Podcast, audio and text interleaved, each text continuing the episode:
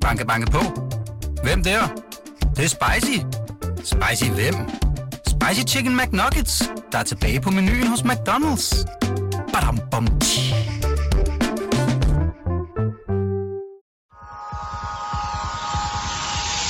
Du lytter til Succeskriteriet, et program om drømme og ambitioner. Podcast fra Berlingske Business er sponsoreret af Nordea. Din vært er Ane Kortsen.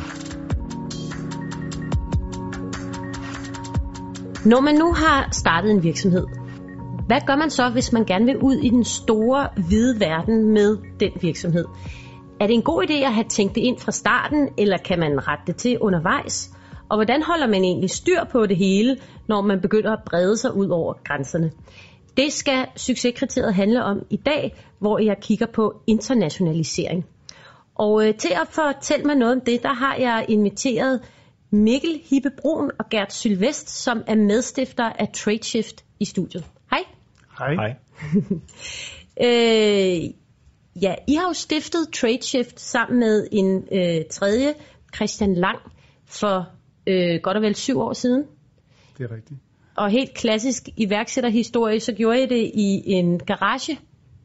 Ja, det hører jo mere til den klassiske iværksætterhistorie, at man begynder i, i garagen. Ja. Og, øh, og det var også sådan, vi, øh, vi startede. Det vil sige, vi, vi, vi begyndte egentlig, da vi havde et fuldtidsjob, alle tre, og arbejde om natten og, og i weekenderne. Men da vi først gik fuld tid, der havnede vi i en, i en rigtig garage. I en ægte garage, ja. ligesom øh, Apple og alle de andre. Ja.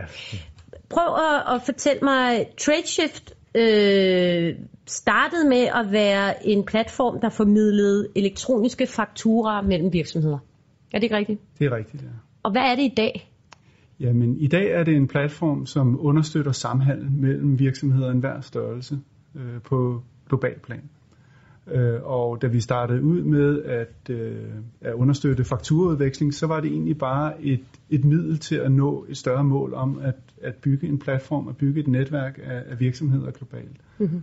Så vi så øh, fakturen som et dokument, der skal udveksles mellem virksomheder, for at de kan blive ved med at, at være aktive, og alle vil gerne bare have, at det går så gnidningsfrit som, som overhovedet muligt. Og øh, så det vil vi gerne flytte fra papir til elektronisk, og derved knytte virksomhederne sammen og få dem til at udveksle andre forretningsdokumenter. Mm-hmm. Og det lyder jo egentlig meget, øh, meget stille og roligt, skulle jeg til at sige, men i, øh, virkeligheden er, at I de seneste fire år er vokset med 300 procent. I har omkring 400 ansatte, og i dag er TradeShift verdens største B2B handelsplatform. Er det rigtigt? Det, det er tæt på at være rigtigt. Jeg tror, vi er tættere på 600 medarbejdere globalt set end, end Så det 400. Så det er endnu flottere. Ja. Så Gert, kan man ja. sige, at I er en, I en succes? Det kommer an på kriterier. Øh, jeg tror, vi lagde ud med en, en meget stor vision, øh, som i virkeligheden handler om det der med at ændre lidt på forholdene, om hvordan handler forretninger sammen. Og det hører med til vores forhistorie til, til TradeShift, at vi, vi alle sammen arbejdede i det offentlige. Vi arbejdede faktisk sammen 6-7 år før, før vi startede TradeShift. Ja, I var i Digitaliseringsstyrelsen. Ja, lige præcis. Mm. Øh, og en af de ting, vi arbejdede med, det var jo at, at rykke alle leverandørerne til det offentlige fra papirbaseret fakturering til elektronisk fakturering. Og det vi kunne se, det var, at altså, som global trend, at, at man har arbejdet på at digitalisere de der processer mellem forretninger de sidste 30 år. Men det har ikke rigtig rykket sig. Så, så en opdagelse var jo, hvor det er en ganske lille procentdel. Jeg tror, da vi arbejdede på det her i 2006-2007, der snakkede vi 2-3 procent af, af al volumen af fakturer, der flød elektronisk. Resten var stadig papir. Så, så der sidder folk og indtaster information i begge ender. Mm. Og, og, det, og det samme gælder i endnu højere grad for andre typer forretningsmeddelelser. Så I sad i det offentlige i Danmark, i, i Digitaliseringsstyrelsen, og udviklede faktisk en løsning, som mm, kunne bruges i det private erhvervsliv. Øh, og, altså, danskerne vi er jo enormt gode til øh, at svine vores eget øh, offentlige system til, især computersystemerne, nem idéer og alt det der. Vi, men i virkeligheden så er Danmark ret langt fremme, når det kommer til digitalisering, især det offentlige, ikke også? Mm. Jo, ja, altså vi, vi så arbejdede med mange digitaliseringsprojekter på det tidspunkt. Det var helt klart nogle, nogle, nogle visionære projekter, der også, der også ja. blev arbejdet på, som handlede om for eksempel at åbne adgangen til, til alle de, de offentlige datasystemer og ting som det. Øhm, så det offentlige har da helt klart haft en stor finger med i spillet i at fremme den her digitale dagsorden, og jeg tror, Danmark var et af de, de første lande, som faktisk øh, digitaliserede det her med øh, elektronisk fakturering. Mm. Så det ikke bare virkede til det offentlige, men også, også mellem private virksomheder. Ja, men, men, men I stoppede i Digitaliseringsstyrelsen, øh, fordi at I ville noget andet? Jamen, vi fik nogle, nogle fantastiske muligheder derinde. Først at bygge en nem handel, som det hedder i dag, udveksling af fakturer til det offentlige, og så fik vi så mulighed for at etablere sådan en fælles europæisk infrastruktur til elektronisk handel. Så det var sådan næste generation. Vi tog det, vi havde lavet i Danmark, og så lavede vi en løsning for hele Europa, mm. som faktisk også er kommet i drift i rigtig mange lande. Så det var jo det var nogle resultater, som vi var meget stolte af. Men på sin vis havde vi også fået nok af det her med elektronisk fakturering og, og det offentlige. Vi ville gerne ud og prøve at lave en virksomhed. Og så var det egentlig ikke det første, vi tænkte på at, at lave noget. Nej, det var nemlig ikke. Nej. Fordi I, øh, I kom jo i øh, kontakt med Morten Lund som investor. Ja, måske ikke som investor, fordi han var, han var gået personlig konkurs på det tidspunkt med, ja. med nyhedsavisen, så han havde ikke så mange penge, men han havde jo et fantastisk øh, netværk, og han er jo god til at se øh, potentialet i øh, idéer og i, øh, i teams. Så da vi kom og præsenterede ham for, for de andre idéer, vi havde til en virksomhed, vi godt kunne tænke os at lave, så fejrede han det til side og sagde, jamen alt det der, I har lavet for det offentlige, først for Danmark, så for Europa, altså... Hvorfor, hvorfor går I ikke ud og laver det for hele verden? Hvorfor, hvorfor ikke lave en, en global løsning? Og på det tidspunkt var der nogle øh, tendenser i, i tiden, som, øh, som lige pludselig gjorde, at, at det var en rigtig god idé. Altså vi havde set øh, udbredelsen af sociale medier, hvordan man kunne få en, en platform ud blandt øh, millioner af, af brugere øh, på ganske kort tid ved at have sådan en gratis model. Og vi havde set cloud computing, hvor man lige pludselig kunne tilbyde løsninger til en brøkdel af den pris, som andre øh, har leveret dem for. Og, øh, og så det, der blev udvekslet, det er jo så virkelig værdifulde dokumenter. Ja. Det er jo ikke bare Facebook-opdatering eller billeder til din familie eller professionelle opdateringer på LinkedIn. Så det var de tre ting, altså cloud computing, social netværks imitationsmekanisme, blot blandt virksomheder og ikke blandt individer, og så værdifulde forretningsdokumenter, der skulle udveksles i netværket. Hmm. Så øh, Morten Lund fik simpelthen overtalt jer til at holde ved noget, som I, I orkede ikke rigtigt at arbejde mere med elektronisk fakturering, fordi det havde I jo gjort i så mange år i Digitaliseringsstyrelsen. Men det fik Morten Lund jer så til at holde fast i.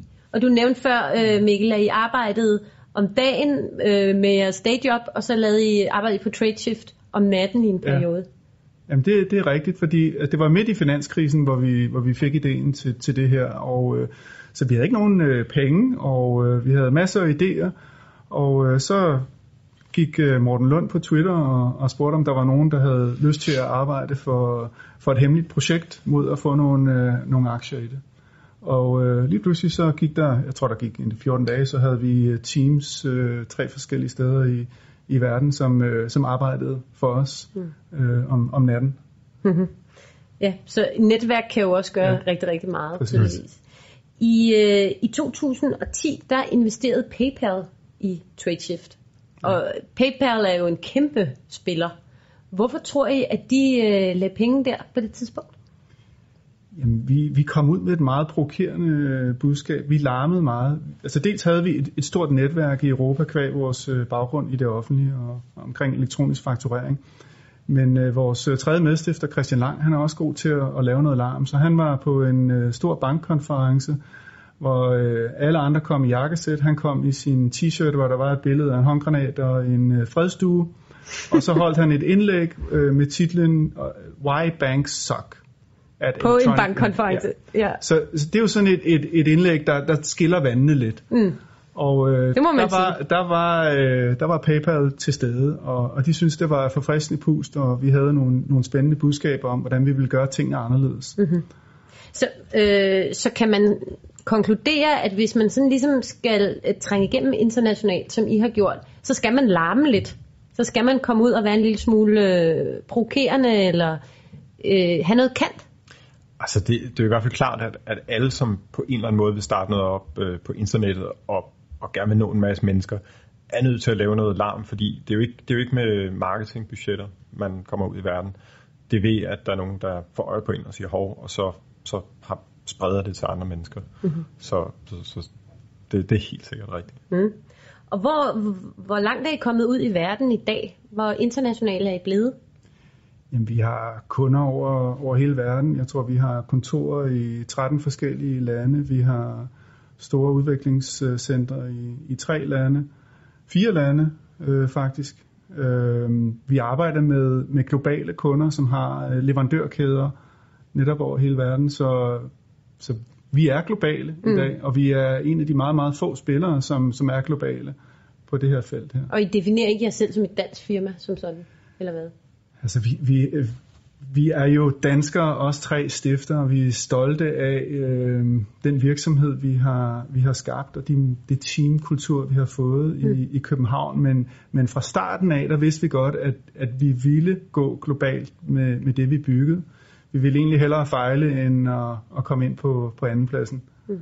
Og øh, så, så da vi begyndte at ansætte folk, der øh, var det ikke et krav, at man kunne tale dansk for at, at arbejde for os. Vi ville skabe en meget divers og international kultur fra starten, så vi var klar til at, at levere til kunder også uden for Danmarks grænser. Tror I, det er en fordel, at man fra starten af ved, at man gerne vil gå internationalt? Skal man have det tænkt ind i sit koncept fra starten af? Jeg tror ikke, i hvert fald det gør, at man, man træffer nogle beslutninger på en anden måde. Altså nu nævnte Mikkel rekruttering, ikke? og det, der kan vi se, der har vi gjort tingene anderledes end andre virksomheder i Danmark, hvor, hvor man siger, man har engelsk som, som forretningssprog, men, men ofte er det kun på det skrevne sprog i virkeligheden. Mm. Vi kunne se, at vi kunne få fat i en hel masse godt talent, som, som ikke talte dansk, og som, som også følte sig mere komfortabel i en virksomhed, hvor de kunne tale og, og skrive engelsk. Øhm, øhm, men, men det betyder også noget, tror jeg, hvordan man tænker på at bygge, bygge sine services, fordi hvis man tænker internationalt fra dagen, så betyder det også, at man er nødt til at lægge nogle, nogle ressourcer i og finde ud af, hvordan fungerer de markeder, man skal ud på, og oversætte øh, den platform, som man sælger. Og, øh, og jeg tror også, øh, allerede i 2011, der rykkede vi jo øh, øh, hovedkvarteret til San Francisco. Ja. Så det betyder også, at, at vi sådan tidligt måtte begynde at tænke over, hvad er vores identitet, og hvordan kan man opretholde den her øh, produktivitet, øh, som vi har lige nu øh, på tværs af to kontorer, hvis der, hvis der er stor øh, tidsforskel imellem dem. Mm og den slags ting. Hvad, hvad, hvad er kommet bag på jer i forbindelse med at gå internationalt? Altså, hvad, er, hvad er udfordringerne? Altså, kulturforskel betyder enormt meget. Mm. Selvom vi øh, føler, at vi er gode til at tale engelsk og har en god forståelse for amerikansk kultur gennem øh, tv og, og andre medier, så er der alligevel øh, nuanceforskelle, når man, når man så står derovre i en arbejdssammenhæng og Øh, en af de ting, jeg skulle lære personligt, det var at, at strø lidt mere sukker på toppen, når jeg henvendte mig til folk. Vi ja, har det kan amerikanerne godt lide. Ja, vi, vi, vi har en tendens til at være meget direkte. Mm. Øh, det skal pakkes lidt mere ind, og man skal lige huske at høre til familien, og hvordan har weekenden været, inden man øh, rigtig kommer i gang øh, mandag morgen. Mm-hmm. Der er vi måske mere sådan kontante. Nå, hvor var vi, da vi slap fredag? Ja, der er ikke så meget. Halløj. Ikke så meget pjat der, ikke? Og... Jamen, jeg ved, I også gerne vil, øh, eller I er allerede i Kina. Der har I været de sidste fire år. Ja. Hvordan, øh, hvordan er det at, at prøve at knække den ned? Jamen, det er vanskeligt på en helt anden dimension. Mm. Altså det, det er, vi har to uh, joint venture selskaber derude, og så har vi et, et fuldt eget trade selskab. Og øh, alt omkring forretning er, er anderledes derude. Det er i den grad relationsbaseret. Det tager, ting tager tid, og du kan ikke helt stole på, hvad øh, folk siger til dig, og også det, de øh, oprigtigt mener. De har måske en underliggende agenda, som, øh, som er, er meget forskellig fra, fra, fra det, de giver udtryk for. Og det er, det er noget, man skal, man skal vende sig til. Mm. Men er, der, er det det værd at, at, at gå... Øh, alle, altså skal man, skal man beslutte sig for, at der er nogle lande eller nogle kontinenter, der tager vi simpelthen ikke til, fordi det, det er ikke det værd? Jeg tror i hvert fald, man skal gøre det med, med åbne øjne. Ikke? At, at jeg tror, markeder, som på den måde er meget langt væk fra de europæiske og amerikanske, som Kina, måske Indien og måske nogle latinamerikanske lande, hvis der gælder nogle, nogle væsentlige andre spilregler, så er det bare en stor investering. Og, og det, det handler om, det er jo et eller andet sted at forstå nok til, at man kan hyre de rigtige mennesker i det lokale marked, der kan hjælpe ind med at løfte ens forretning. Og det, det tror jeg bare kræver, at man gør sig en masse hårde erfaringer, ikke? Altså, mm. så, så en masse vedholdenhed. Mm-hmm. Så, så hvis man er et startup, så, så er det selvfølgelig en investering, man på en eller anden måde må beslutte sig om, om vi skal tage det som første skridt, eller senere, eller måske aldrig. Mm. Men man skal gå ind i det med åbne øjne. Ja. ja. Mm. Altså listen af, af muligheder for fejl, specielt i det kinesiske marked, den er uendelig lang, og listen af virksomheder, som har, har fejlet, er også meget, meget lang. Mm. Øh, så, og det ved I? Det ved vi, og det vidste vi. Og øh, jeg vil sige, alle de øh, fejl, som vi har læst i bøgerne af virksomheder begår, dem har vi været igennem alle sammen. Vi kan sætte checkmark ved dem. Men og selvom vi godt vidste, de var for, Forskellen er bare, at vi er der stadigvæk. Ja, vi, vi, gi- vi giver ikke op. Nej, okay. Øhm, så er der jo det her omkring, når man har startet en virksomhed op, som så går hen og vokser og bliver så international som jeres er, eller så global. Hvordan holder man fast i, i sådan kernen af det, man vil, den ånd, man nu engang har lagt i firmaet? Hvordan sikrer man sig det, når man bliver så stor, som I er blevet? I kan jo ikke være alle steder på en gang. Mm. Det er, det er sådan en ongoing uh, struggle. Altså, mm. det, altså for det første, så, så er man jo hele tiden i vækst. Så, så et eller andet sted er man nødt til at sådan genopfinde sig selv som virksomhed lidt. Ikke? Det er kæmpe stor forskel på at være 20 mennesker og være 100 mennesker. Øhm, så, så du kan sige, at det der med at rykke til andre lande og åbne kontorer i andre lande, det, det er sådan en ekstra variation af, af hele det der tema. Ikke? Så det er som at starte forfra hver gang i virkeligheden? Ja, men, men jeg tror, man har nogle, nogle, nogle redskaber, der kan gøre det lettere for en. Ikke? Så jeg tror, øhm, altså vi har haft meget glæde af at have en, en vision for, for virksomheden, som, som egentlig ikke har rykket sig så meget i, i den der periode. Udfordringerne har ændret sig utrolig meget, og der har været nye udfordringer for hvert land og for hver væksttrin, men, men vi har ligesom kunne referere til, til, til det samme magnetiske nord. Mm-hmm. En del af turen, det tror jeg hjælper en del.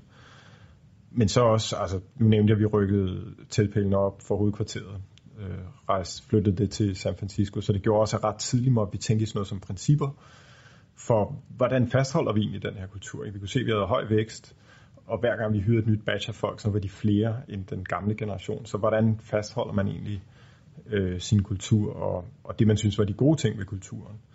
Øhm, men, og, og hvordan gør man så det? Jamen, der du siger vi... nogle principper? Nedskrevne principper, eller hvad? Ja, så det er jo mere, øh, altså du kan tænke, hvis, hvis, hvis du vokser hurtigt, så betyder det jo utrolig meget, hvad er det for nogle folk, man går ud og hyre. Mm. Så, så hvordan er det selv, vi har vurderet de mennesker, vi hyrer, og, og den der måde at tænke om det på, hvordan får man det transplanteret til, til næste generation. Ikke? Så det tror jeg meget er sådan nogle virkeligheden værdimæssige principper. Altså, hvad, hvad er en teamplayer? Mm. Øhm, hvordan forholder vi os til proces versus øh, personlig initiativ?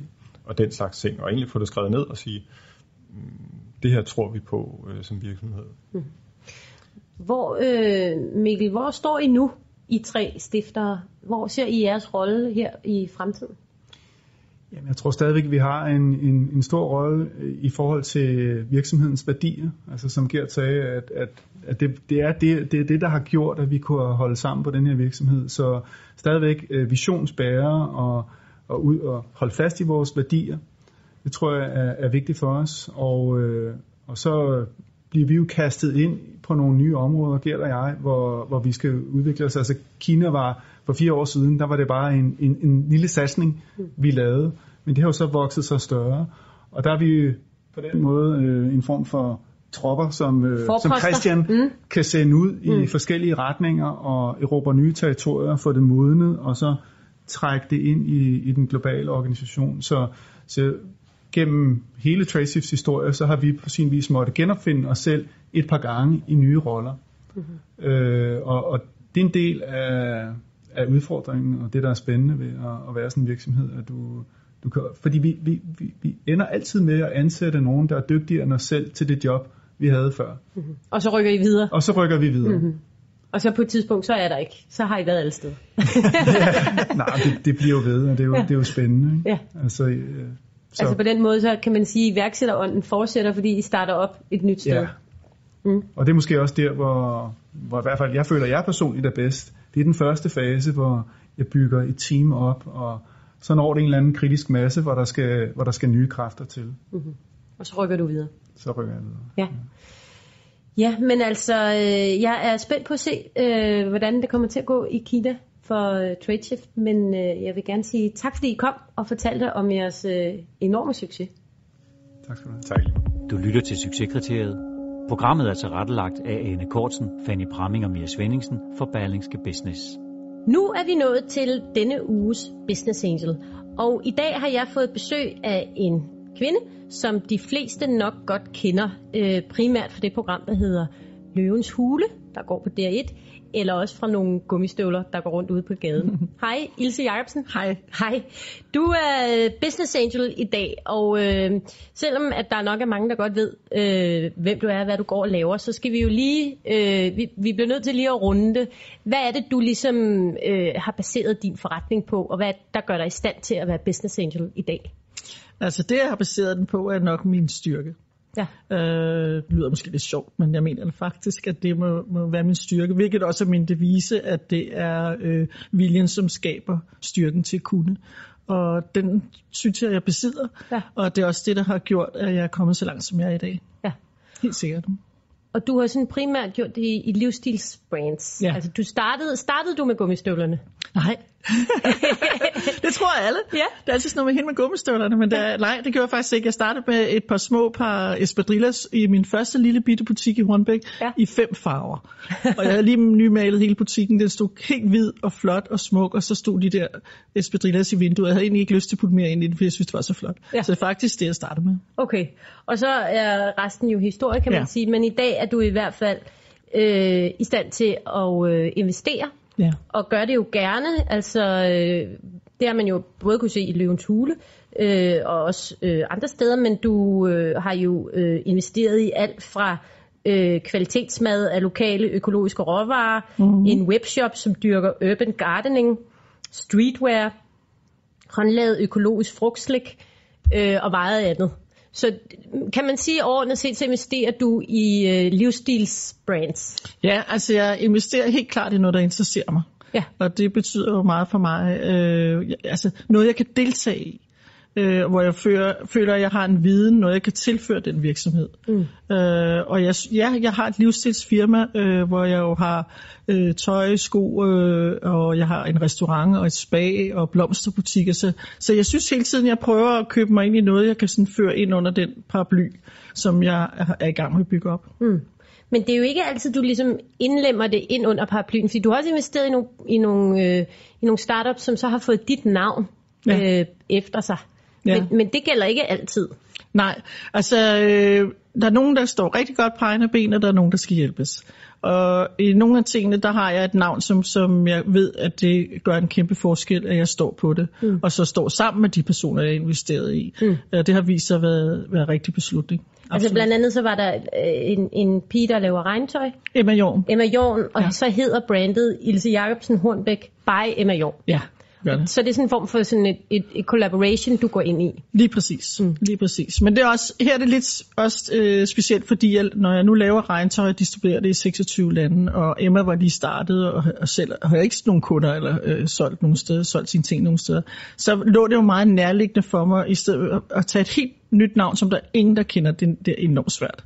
Så det var nemmere for mig ligesom at få inkorporeret det i Ilse Jacobsen, mm-hmm. og så i vores regntøj-kollektion, og det er det, vi har gjort nu, og så distribuerer vi ud i 26 lande. Ja, så det virker naturligt. Og der. Ja. hvor det så ikke virker naturligt, der står øh, brandet for sig selv. Ja, altså jeg investerede i nogle piger for Aarhus, der hedder Gurkpigerne.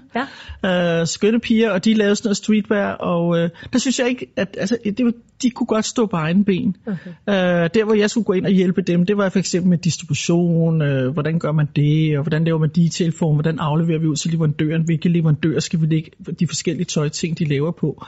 Og det har de helt forstået. Altså, de er så kvikke, de to. Mm. Øh, øh, og det kører rigtig godt.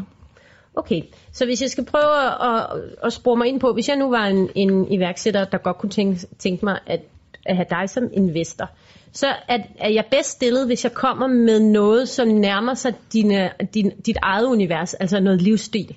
Ja, altså, øh, jeg, jeg er ikke bleg for at gå ind og investere i noget, hvis jeg kan se, det er en god idé. Ligegyldigt hvad det er. Ja, altså, men, men, men jeg synes også, at det kræver, at jeg har en lille viden om, hvad der er jeg investerer i.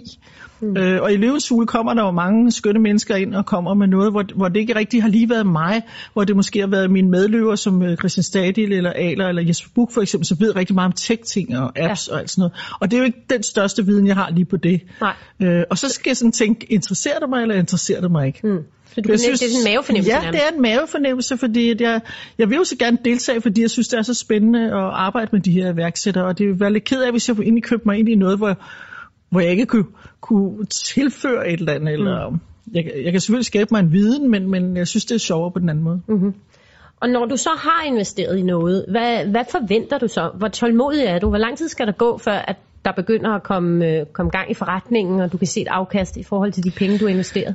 Jamen altså, øh, der er jo bare nogen, der tager længere tid end andre. Øh, vi skal nævne et eksempel på en af mine investeringer, som var den mindste investering, jeg lavede, øh, som, jeg, var rigtig, som jeg betragter virkelig som en af de gode cases, som egentlig var min tøjklemme. Mm. Øh, som de andre grinede lidt af og hang på stole, da han kom ind og, og skulle have den laveste investering på den her. Øh, den, der, det krævede noget tid øh, fordi at støbeformen var ikke i orden, og der skulle støbes om igen. Øh, det var dyrt, øh, og det tog tid, og inden man fik den rigtig godkendt, øh, den her klemme, til den sad lige i skabet. Øh, før jeg kunne komme ud og få solgt den i Coop, Rema, øh, og nu har jeg lige øh, henvendt mig til Jysk, som gerne vil have den, så det var dejligt. Mm, så kommer den rigtig langt. Ja, men det var ikke noget, et, et produkt, fordi jeg lige har været i løvens hule, så var det ikke sådan, at nu kunne jeg lige gå ud i morgen, og så havde jeg bare solgt det til alle sammen. Det mm. kunne jeg altså ikke lige, det skulle lige fungere rigtigt. Så der udviste du ret meget tålmodighed, fordi ja, du troede på ideen. Ja, men det har også gjort på nogle af de andre, øh, for der er noget, der så tid, og så nogle gange så bliver man også lidt overrasket bagefter, fordi vi, har, vi kender jo ikke de personer, der kommer ind i løvens hule overhovedet. Vi aner ikke, hvem kommer ned ad trappen. Mm. Så mange tror det, men det gør vi vidderligt ikke. Så nogle gange, når de så fremviser nogle ting, eller siger nogle ting i løvens hus, så er det ikke ens betydende med, at når så efterfølgende mødes med dem, mm. at det så stemmer måske helt overens, hvad, hvad vores forventninger har været til, til de investeringer, vi har gået ind i. Og så der bliver lige nogle ting der, så det kan trække lidt i lang her, hvis nu kontrakten ikke bliver ligesom det skal være, eller der er sket nogle ting i mellemtiden, eller der er måske nogle ting, der ikke var helt korrekte, mm. som er oplyst. Så er der noget frem og Ja, der, der, det tager lidt tid. Men du virker meget sådan rummelig som investor, Ilse. Hvad, hvad skal der til for, at man skuffer dig, eller hvad skal der til for, at du trækker dig, eller ikke investerer? Altså, det der skuffer mig rigtig meget, det er, hvis folk ikke fortæller mig sandheden. Hmm. Uh, og det har vi oplevet et par gange i Løvens Hule også, hvor vi ikke får sandheden. Og jeg bliver simpelthen så skuffet, fordi jeg bruger så meget energi på at gerne vil det her. Hmm. Uh, ellers jeg ikke købt mig ind i det. Så bliver jeg rigtig, rigtig skuffet, hvis jeg finder ud af, at de enten går bag om ryggen på mig, hvilket der er nogen, der har gjort en gang, uh, hvor vi var flere, der har investeret i noget. Og så finder jeg ud af, at de slet ikke har fortalt sandheden, og jeg bruger masser af tid af det her. Og også penge, for det for mig er det ikke bare, at jeg bruger min tid. Det koster også at have mig kørende rundt i Danmark, eller tage til mm. Esbjerg, eller hvor pokker man skulle hen. Og advokater, der er involveret. Altså, jeg, jeg bliver simpelthen så skuffet, ja. det er jeg ærlig om. Så jeg har virkelig brug for, at de mennesker, jeg køber mig ind i, og jeg ligesom kan fornemme den der person, og det er jo personerne, jeg kommer til at købe mig ind i, der står foran mig. Øh, mm. Det betyder så meget, at kemien er der, og jeg ligesom føler, at der er en ærlighed hos de personer, jeg køber mig ind i. Mm-hmm. Okay, men og det, du sætter ikke nogen særlige krav til køn, eller alder, eller erfaring, eller... Ej, altså det er jeg fuldstændig glad med, fordi min tøjmand, han var gået på pension, eller min klemmemand, undskyld. Klemmemand. Ja, min søde klemmemand. Paul. Ja, Paul, han er bare så skøn. Altså han, var, han har været i reklamebranchen mange år, gået på pension, og så nej, jeg er fuldstændig glad, hvor gamle de er. Det, det, der betyder noget for mig, det er, hvem er personen? Hvad er det for en idé, de er kommet med? Mm. Er den god? Kan jeg se hurtigt, reflektere i min hjerne og sige, kan jeg bruge den til noget? Kan jeg få inkorporeret det? Kender jeg et sted, hvor jeg kan få det afsat? Kender jeg et sted, hvor jeg kan producere det? Og hvor kan min viden være til hjælp her. Mm. Det er det vigtigste for mig. Og så absolut er det jo mennesker, der jeg køber mig ind i. Mm. Hvis ikke jeg kan sammen med mig allerede opdager, at de står foran mig, og jeg siger, altså helt ærligt, han virker til at være et dumt svin for sit liv ud, eller så er du der ikke. den person er smække irriterende, og det passer ikke det vedkommende står og siger, så er jeg væk. Mm. Så gider jeg simpelthen ikke. Godt, jeg prøver lige at opsummere her. Ja. Øh, Ilse Jacobsen, der er ugens business angel, øh, investerer gerne i øh, idéer, som hun enten kan se er en oplagt god idé, eller som på en eller anden måde passer ind i det livsstilsunivers, Ilse Jacobsen allerede har opbygget. Hun kan være en ret tålmodig og en ret tolerant investor, øh, men det, der kan skuffe og gøre, at øh, hun trækker sig, det er, hvis folk går bag om ryggen på hende, eller ikke fortæller sandheden. Det er især personerne, som øh, Ilse Jacobsen lægger vægt på. Der skal være kemi, og der skal være en ærlighed. Er det det? Ja, det er det absolut. Tak fordi du kom. kan jeg ikke komme videre. Nej. tak fordi du kom, Ilse. Det var så lidt. Tak selv.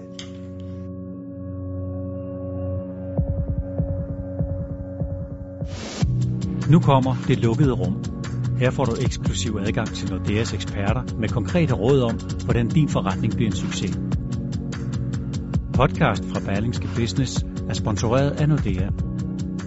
I dag skal vi snakke lidt om, hvordan man driver forretning i udlandet.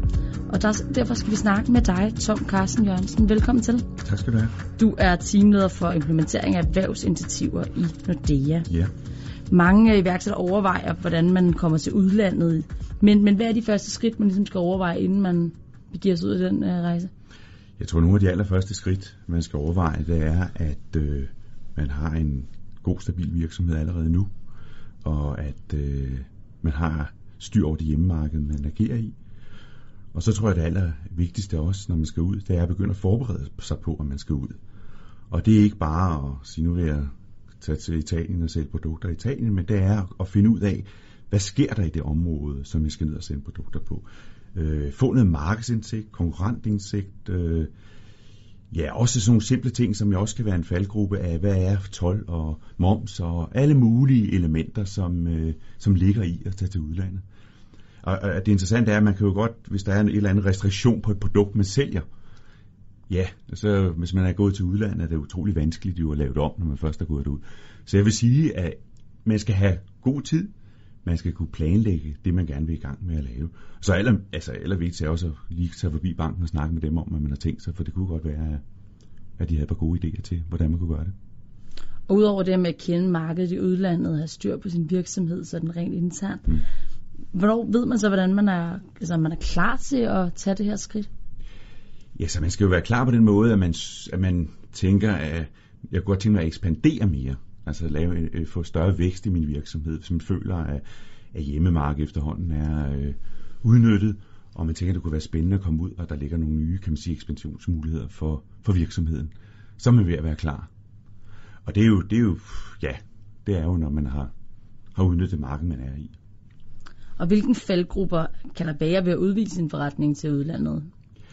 Altså, det der er, og det er nok der, hvor, hvor uh, i, i forberedelsen, det største faldgruppe er, som jeg lidt var inde på i starten, at man faktisk ikke ved nok om det. Og man kommer ud og, og, og får etableret noget derude, hvor man jo faktisk har styr over de forskellige restriktioner, produkter og moms og regler og lovgivning. Det er i hvert fald en faldgruppe, man kan komme i. Den næste faldgruppe er jo også, at når man går ud, så skal man også vide lidt om det land, man går ud i også. Fordi det er jo ikke bare at gå ud, man skal vide noget om kunderne. Der skal være noget omkring kreditten derude, fordi hvis man først giver folk, eller nogle kunder købe nogle produkter hos en selv, jamen så skulle man gerne have penge for dem igen.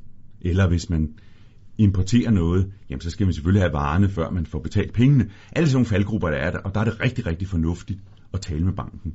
Men en af de, en af de initiativer, som jeg også tror er allervigtigst, vi har lige har etableret i banken, det er den, der hedder Trade Portal og Trade Club. Og Trade Portal giver dig en masse indsigt i, hvad der sker derude. Jeg tror, det er, vi siger, der er 20.000 forskellige markedsrapporter. Der er en hav ting, du kan gå ud og undersøge der.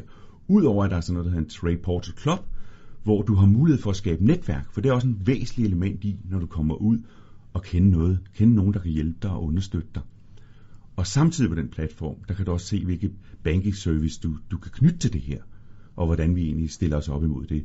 Så jeg vil sige, hvis man går ind på den portal, inden man begynder at forberede sig derinde, så kan man få alle de informationer, som, som er væsentlige for at, at begynde at tænke på at etablere sig i udlandet. Hvad er dit, øh, dit bedste råd, hvis, hvis du ligesom skulle pege et ud til, til folk, der står over for det her lige nu? Forberedelse.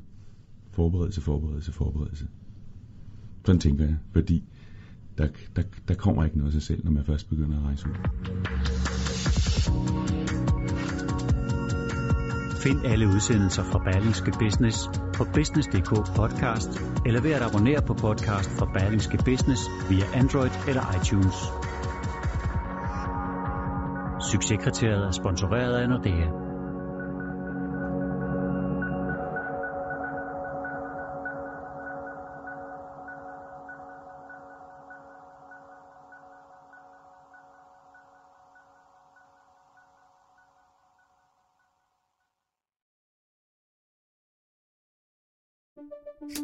Banke, banke på. Hvem der? Det, det er spicy. Spicy hvem? Spicy Chicken McNuggets, der er tilbage på menuen hos McDonald's. Badum, bom, tji.